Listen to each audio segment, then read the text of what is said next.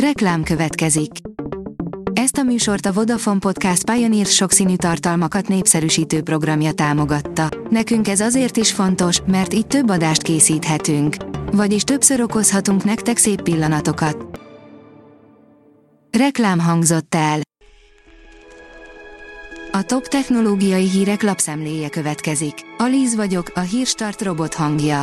Ma november 29-e, Taksony névnapja van. Betiltják a kínai Huawei és ZTE készülékek importját, írja az IT Business.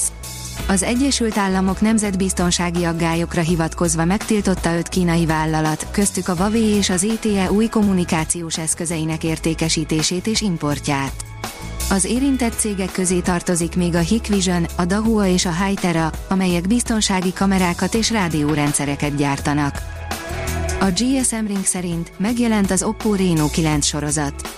A kínai vállalat a napokban hivatalosan is bemutatta a már régóta pletykált Oppo Reno 9-es sorozatot, mi pedig mutatjuk nektek, hogy mit kell tudni róluk. Az Oppo az év végére még tartogatott néhány meglepetést az Oppo Reno 9 sorozattal, ami a napokban a kínai piacon hivatalosan is debütált. Elon Musk befűtött az Apple-nek, szavazással hergel a cég ellen a Twitteren, írja a PC World. A milliárdos szerint az Apple megfenyegette, hogy kitiltja a Twittert az App Store-ból. Közel négy évtized után ismét kitört a világ legnagyobb aktív vulkánja Hawaii szigetén, írja a Minusos. Hawaii szigetén 38 év után ismét működésbe lépett a világ legnagyobb aktív vulkánja, emiatt figyelmeztetést adott ki az amerikai földtani intézet is. A Mauna Loa vasárnap éjszaka tört ki, és hamuval borította be a környező térséget. Tizedére csökkentett költségvetéssel a NASA 50 év után ismét a holdat célozza az elstartolt Orion űrhajóval, írja a tudás.hu. A NASA Artemis egy programja elstartolt és már egy rekordot is döntött, ennél nagyobb távolságra még nem jutott a Földtől legénység szállítására készült űrhajó. A program azt célozza, hogy 50 év után az emberiség újra visszatérjen a Holdra, annak érdekében, hogy később ember léphessen a Marsra is. Az in.hu írja, létrehoznak egy új rostot, amely egészségesebbé teszi az ételeket. Már számtalan helyről hallhattuk, hogy a rostok mennyire egészségesek és milyen pozitív hatásai vannak szervezetünkre, ha az étrendünkbe beiktatjuk őket. Úgy tűnik, hogy hamarosan a rostok beiktatása még egyszerűbbé válhat, hála a tudósoknak. A Bitport oldalon olvasható, hogy idén fékez, jövőre hátramenetbe kapcsol a félvezető piac. A világgazdaságot uraló negatív tényezők maguktól felszámolják az elmúlt időszakban problémát jelentő csiphiányt. Itt van 2022 legjobb mobil alkalmazása, írja a vezes. Összesen 16 különböző, az App Store-ban megtalálható alkalmazást és játékot díjazott az Apple 2022-ben, a győztes kiléte nem is lehetett kérdés. A newtechnology.hu írja, már a személyügyi feladatok közelfelében használnak mesterséges intelligenciát a vállalatok. Az elmúlt időszak, főként a koronavírus járvány hatásai miatt, évekkel gyorsította fel a digitalizációt.